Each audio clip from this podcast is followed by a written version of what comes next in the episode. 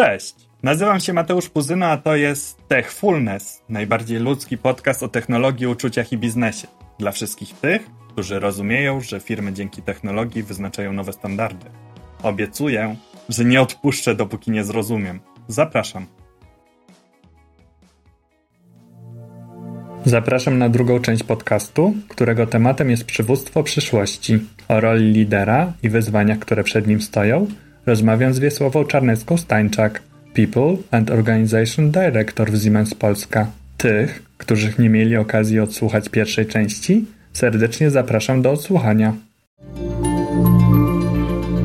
Techfulness. Technologia, uczucia i biznes.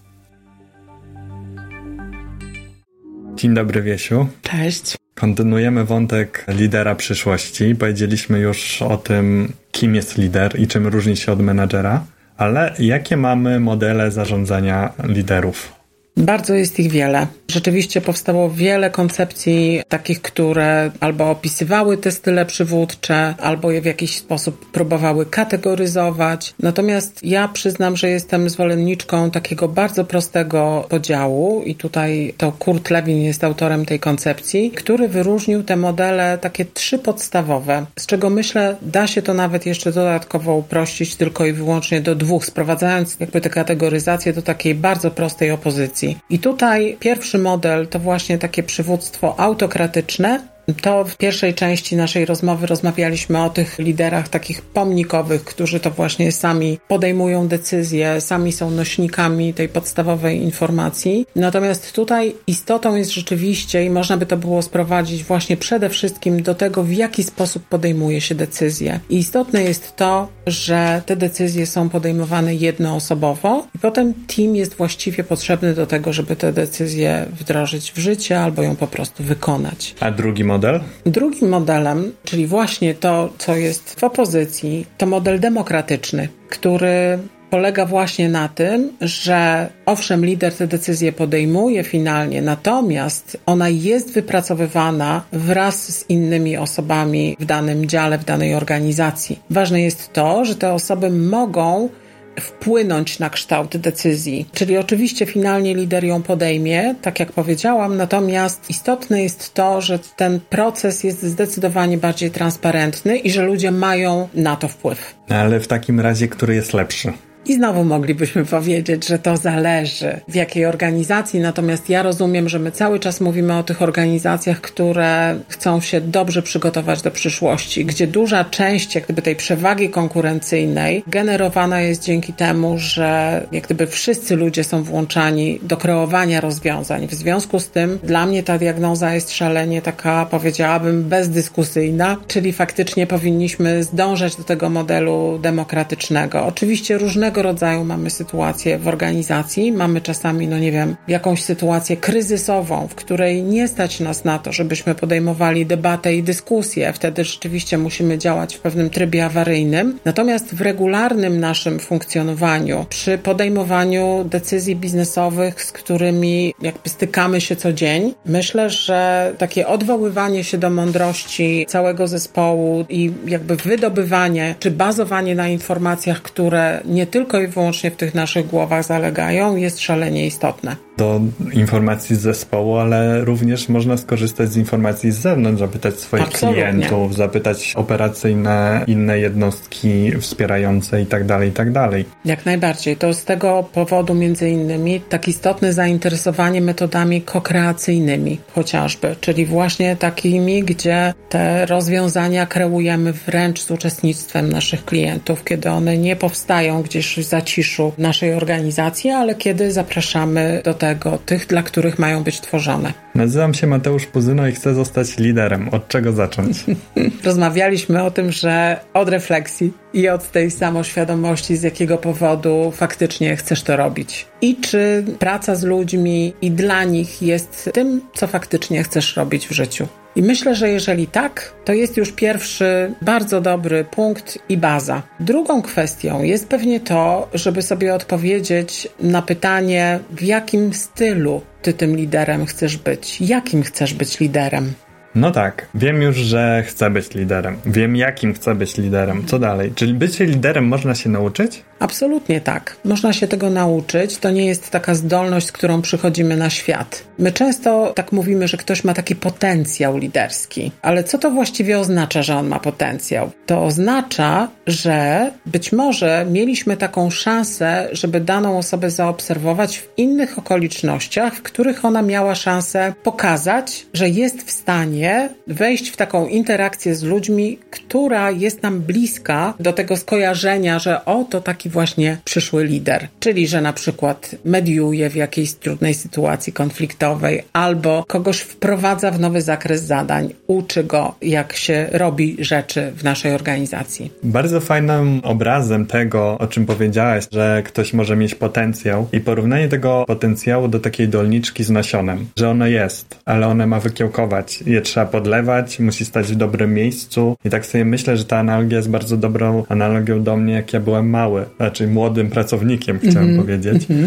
Gdybym ja nie trafił na tego dobrego ogrodnika i nie miał tych możliwości, doświadczeń, które miałem, to dzisiaj nie byłbym tu, gdzie jestem. Na pewno. Myślę, że dużo jest w tym takim właśnie tworzeniu przestrzeni do wzrastania i dawaniu takich warunków. Dużo jest w tym takiej szansy, że dany eksperyment skończy się powodzeniem. Także to jest także szansa po prostu zobaczenia, czy to jest dla mnie, czy nie. Czy właśnie takie dawanie tych warunków czasami powoduje, że nasionko kiełkuje, a czasami nie kiełkuje. I myślę, że dobrze to jest po prostu sprawdzić. Także uczenie się, podpatrywanie innych liderów, takie korzystanie z różnego rodzaju inspiracji, inspiracji. Myślę, że to są chociażby takie metody, które bardzo pomagają jakoś zidentyfikować ten swój styl. Powiedziałam o tym, w jakim stylu chciałabym być, czy chciałbyś być menadżerem, czy liderem, i myślę, że to może być po prostu bardzo świadomy wybór. Także taki, w jakiej organizacji ja tym liderem chcę być, czyli czy ta stylistyka, w której ja tym liderem chciałbym być, jest jakoś bliska, czy jest możliwa do realizacji w tej firmie, w której działam. No właśnie, i teraz weźmy tą roślinkę, która została wyhodowana, wyrósł nam piękny lider. I teraz będziemy chcieli ją przestawić gdzieś mhm. indziej, do innej przestrzeni. Mam tu na myśli inną firmę, inną organizację. Czy może być tak, że ona tam zgnije albo zeschnie? Bardzo tak może być. Bardzo tak może być w sytuacjach, kiedy, no właśnie, to podobnie jak z tą roślinką, ona była sobie w jakichś cieplarnianych warunkach i jak ją wystawimy na mróz i wiatr, to może się okazać, że tego nie przeżyje. W związku z tym dużo zależy także od naszych możliwości i chęci adaptowania się do tej innej kultury. I to jest pytanie, schodzimy znowu na jeszcze głębszy poziom, czyli powiedzieliśmy sobie o autorefleksji, powiedzieliśmy sobie o tym, że mamy okres określony wachlarz kompetencji, coś umiemy robić, coś nam się podoba i uważamy, że to dla nas. Natomiast pod tym wszystkim jest jeszcze ten poziom wartości, czyli tego, z czego na pewno nie chcemy zrezygnować. I jeżeli na przykład naszą wartością jest wolność i samostanowienie i przyjdziemy do organizacji, w której tych wartości po prostu nikt nam nie jest w stanie zagwarantować, gdzie właśnie pracujemy w bardzo określony sposób, w bardzo bardzo stricte określonych i bardzo precyzyjnie określonych procedurach, od których nie ma możliwości jak gdyby robienia jakichś, powiedziałabym, wyjątków, no to wtedy osoba, która będzie miała dużą potrzebę autonomii, dla której wolność będzie istotną wartością, najprawdopodobniej nie sprawdzi się najlepiej. Techfulness. Technologia, uczucia i biznes. Zakładam swój biznes. Zaczynam. Czy bycie liderem w małej organizacji, zupełnie różnej od tej, w której ty zarządzasz, różni się czymś od tego, jak ty bierzesz ten biznes w swoje ręce i go rozwijasz? Pewnie i tak i nie. Czyli myślę, że jest bardzo dużo takich wspólnych mianowników, można byłoby powiedzieć. Czyli rzeczywiście jest tak, że zawsze zarządzamy jakimś zespołem ludzi, którzy mają bardzo określone potrzeby i mamy także biznes, który potrzebujemy niejako obsłużyć, który potrzebujemy dowozić. Ja myślę, że jak zwykle to jest po prostu taka wypadkowa tych czynników, na które trzeba sobie jakoś odpowiedzieć. Natomiast mam takie poczucie, że w tych mniejszych firmach myślę, ja bym zaryzykowała zaryzykowała takie stwierdzenie, że nawet trzeba być bardziej wszechstronnymi liderami. czyli tam trudno jest powiedzieć, że to jest nie moje zadanie, czy powiedzieć, no może ktoś inny się tym zajmie, albo wydeleguje to do jakiegoś innego działu i tego robić nie będę. Mam takie poczucie, że w dużych organizacjach często mamy chociażby takie funkcje czy działy wsparciowe, które w wielu aktywnościach mają szansę menadżerów, liderów wesprzeć, natomiast w mniejszych organizacjach po prostu potrzebujemy mocniej wszechstronni. Czy zatem firmy z programami, nazwijmy to liderskimi, mają lepsze wyniki? Lepiej się odnajdują na rynku? Program liderski jest po prostu pewnym wskaźnikiem dojrzałości organizacji, bo to oznacza, że taka organizacja jest świadoma, że inwestowanie w liderów gwarantuje zwrot z tej inwestycji w postaci lepiej robionego biznesu. Czyli w sytuacji, kiedy inwestujemy w menadżerów, dajemy im szansę rozwoju, oni lepiej działają jako liderzy, czyli z tych menadżerów przekształcają się w liderów i lepiej jakby zarządzają swoimi zespołami zespołami, co oznacza skuteczniej je motywują, powodują, że rozwiązania, nad którymi te teamy pracują, są lepsze i bardziej dostosowane do klientów, to oznacza, że jak gdyby ta inwestycja ma szansę się także zwrócić. To by oznaczało również, i są takie badania absolutnie, które mówią o tym, że ta inwestycja dobrze zrobiona we właściwych liderów absolutnie przynosi zysk. Więc ja bym powiedziała, że tak,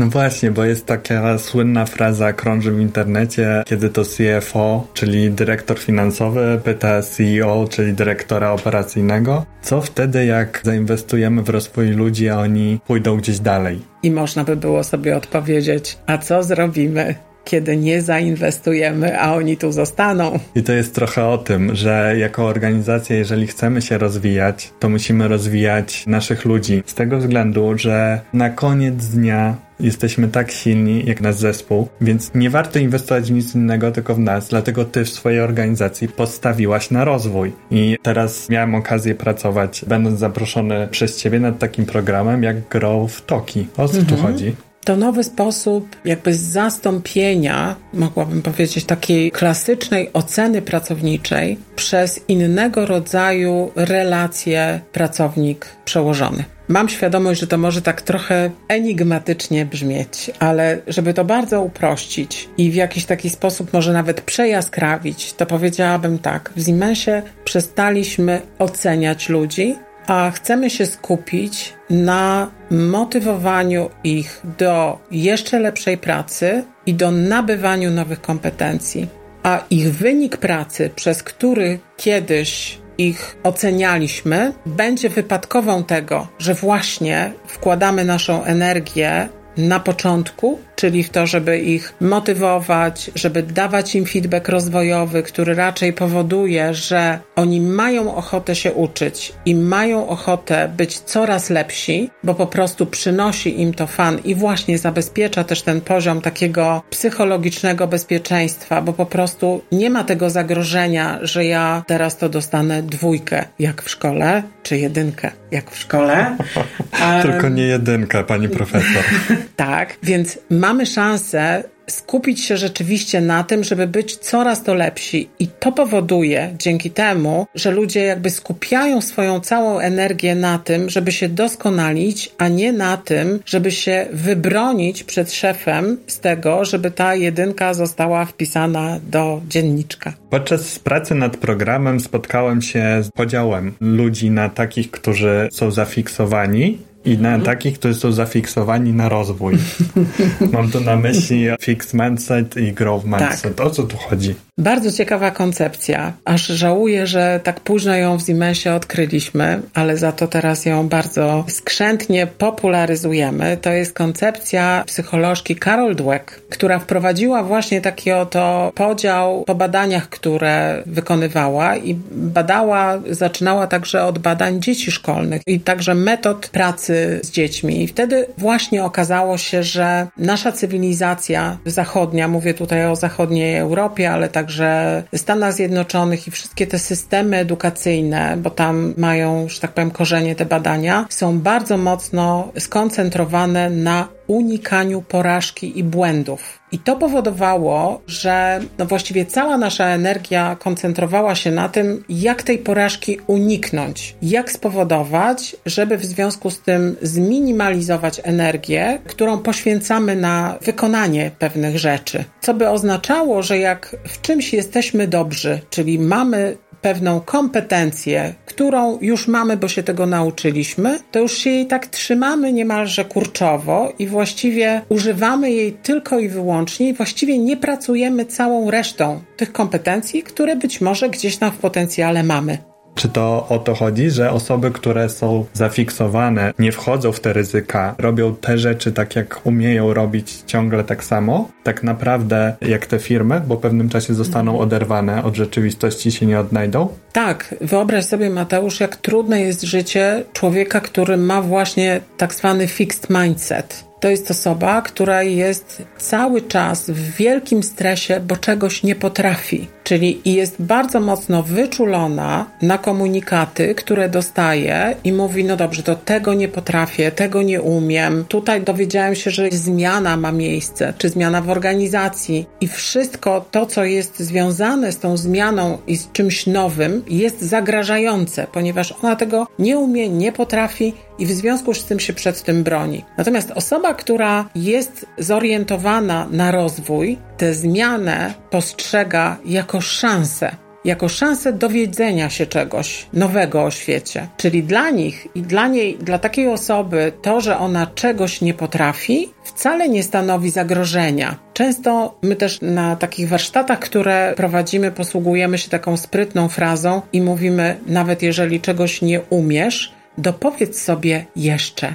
I myślę, że to właśnie wyzwala tą wielką energię. Nie potrafię tego zrobić jeszcze. Jeszcze. To znaczy, że się nauczę. Otóż to. Zobacz, jaki w tym jest taki ładunek, gdzie ja chcę się tego nauczyć i uważam, że to możliwe. Ale tutaj istotne jest właśnie to, żeby dać tę przestrzeń, żeby między innymi lider, który pracuje w takim zespole, jakby nie oczekiwał, że ten rezultat przyjdzie natychmiast, że to będzie już, czyli dostaniesz drogi nowe zadanie, przećwiczysz to raz i ma być zrobione. No nie, tutaj musimy się liczyć z tym, że ten proces dochodzenia do wiedzy, uczenia się, eksperymentowania trochę będzie trwał, ale za to dzięki temu jakby mamy szansę właśnie mieć ten team, który jest super zaangażowany i mało tego, on się nie broni przed zmianami, tylko właśnie traktuje je jako pewną okoliczność, która jest bardzo ciekawa, która powoduje, że czegoś nowego możemy się o świecie nauczyć i o sobie także dzięki temu.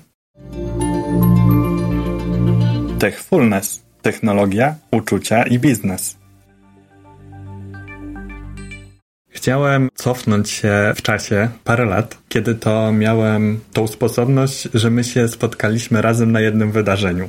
Mhm. A mianowicie na wydarzeniu prowadzonym przez Fundację Liderek Biznesu, które to ciebie zaprosiły z ramienia Siemensa jako osobę, która wdrożyła, wdraża program mentoringowy. A ja zostałem zaproszony na to samo wydarzenia z ramienia fundacji jako mentor tam wtedy pracujący. Pamiętam to wydarzenie. I tak się zgadaliśmy, że będziemy tam razem, to może zrobilibyśmy coś razem i opowiedzieli o tym, dlaczego mentoring to dobre narzędzie do tego, żeby rozwijać liderów. Tak, i pamiętam, że się nawet zgodziliśmy w pewnej konkluzji. I tą konkluzją było po pierwsze to, że to jest właśnie taka bezpieczna przestrzeń do tego, żeby mieć szansę rozmawiać o tym, co właśnie nie wychodzi, na przykład, albo w jaki sposób się do pewnego zadania przygotować, właśnie pod okiem kogoś w organizacji, kto ma na przykład większy staż liderski i parę rzeczy już przeżył. Natomiast kluczowe było też tutaj to, żeby, i myślę, że dlatego ten mentoring jest między innymi takim potężnym narzędziem, że dobrze używany nie jest taką koncepcją, która każe naśladować mentora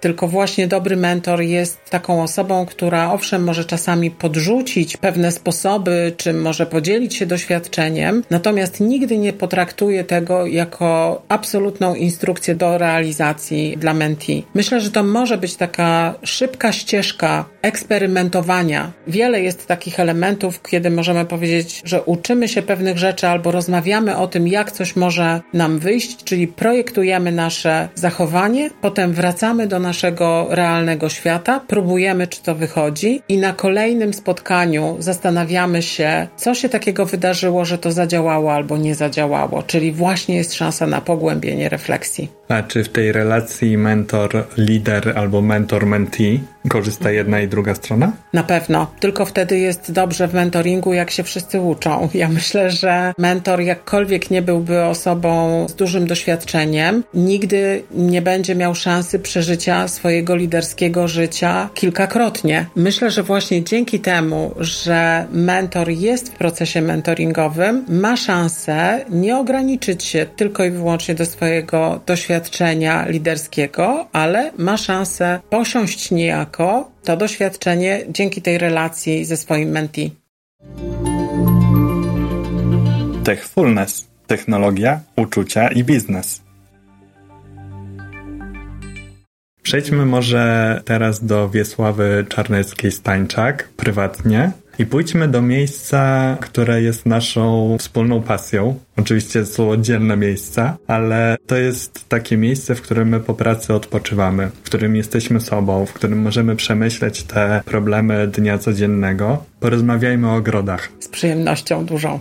Ja powiem tak, dla mnie ogród i ten rodzaj pracy jest odkryciem absolutnym, takim odkryciem, do którego zmobilizowała mnie pandemia, ponieważ ja ogród mam od wielu lat, natomiast on zawsze był ogronem takim zimozielonym, który nie wymagał wiele atencji. Można było w nim odpocząć, natomiast z tej perspektywy mogę powiedzieć, że niewiele się w nim działo. Natomiast właśnie to przeżycie pandemiczne, które spowodowało, że zatrzymaliśmy się w naszych domach i nie mogliśmy nigdzie wyjechać, czyli z mojej poprzedniej pasji, czyli taką gonitwą po galeriach i oglądaniem różnego rodzaju ciekawych wystaw malarstwa, nagle jako osoba uziemiona w domu, szukająca sposobu na pozbycie się stresu wielogodzinnego siedzenia przy komputerze i często, umówmy się, rozmowy o trudnych kwestiach i szybkiego reagowania na to, co się wydarzyło. Dla mnie ogród był i cały czas jest taką odskocznią, która pozwala mi angażować się zupełnie innymi partiami mojego człowieczeństwa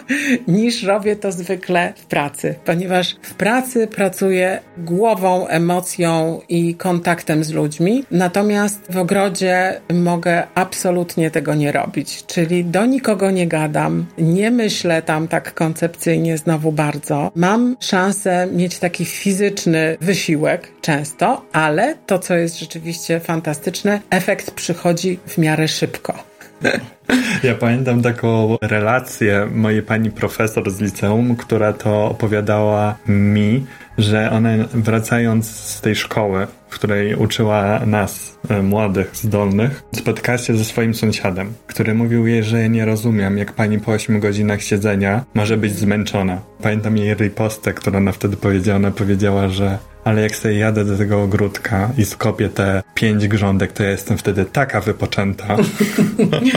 coś w tym jest, coś w tym jest. Ja myślę, że to jest jeden element, to to odglądanie efektu swojej pracy szybko. Myślę, że to daje naprawdę duże poczucie takiej satysfakcji. A drugi element to jest rzeczywiście takie poczucie wpływu. Jak zasadzę i wyrośnie, ja się o to tak zatroszczę i potem jest tak pięknie. Ja myślę, że ponieważ jesteśmy też coraz bardziej świadomymi użytkownikami naszej planety, Matki Ziemi, to też mam takie poczucie, że jak te ogrody służą nie tylko nam, ale właśnie są takie bioróżnorodne, czyli się tam te różne zapylacze zlatują. Są ptaki, są jeże, bażanty, które przyłażą, a kiedyś nie przychodziły. Czyli jak się okazuje, że fundujemy w ten sposób naszym działaniem także miejsce do życia innym istotom, to to jest po prostu strasznie satysfakcjonujące. Więc na ile możemy mieć wpływ, mamy szansę tak działać. Może zamknijmy to taką klamrą, że podobnie jak pielęgnujemy ogród i tworzymy tworzymy tą różnorodność w tym ogrodzie. Podobnie postępujmy jako liderzy, którzy będą dbali o ten swój zespół, o tą swoją organizację, włączając ludzi, tworząc zespoły różnorodne. I pamiętajcie, liderzy,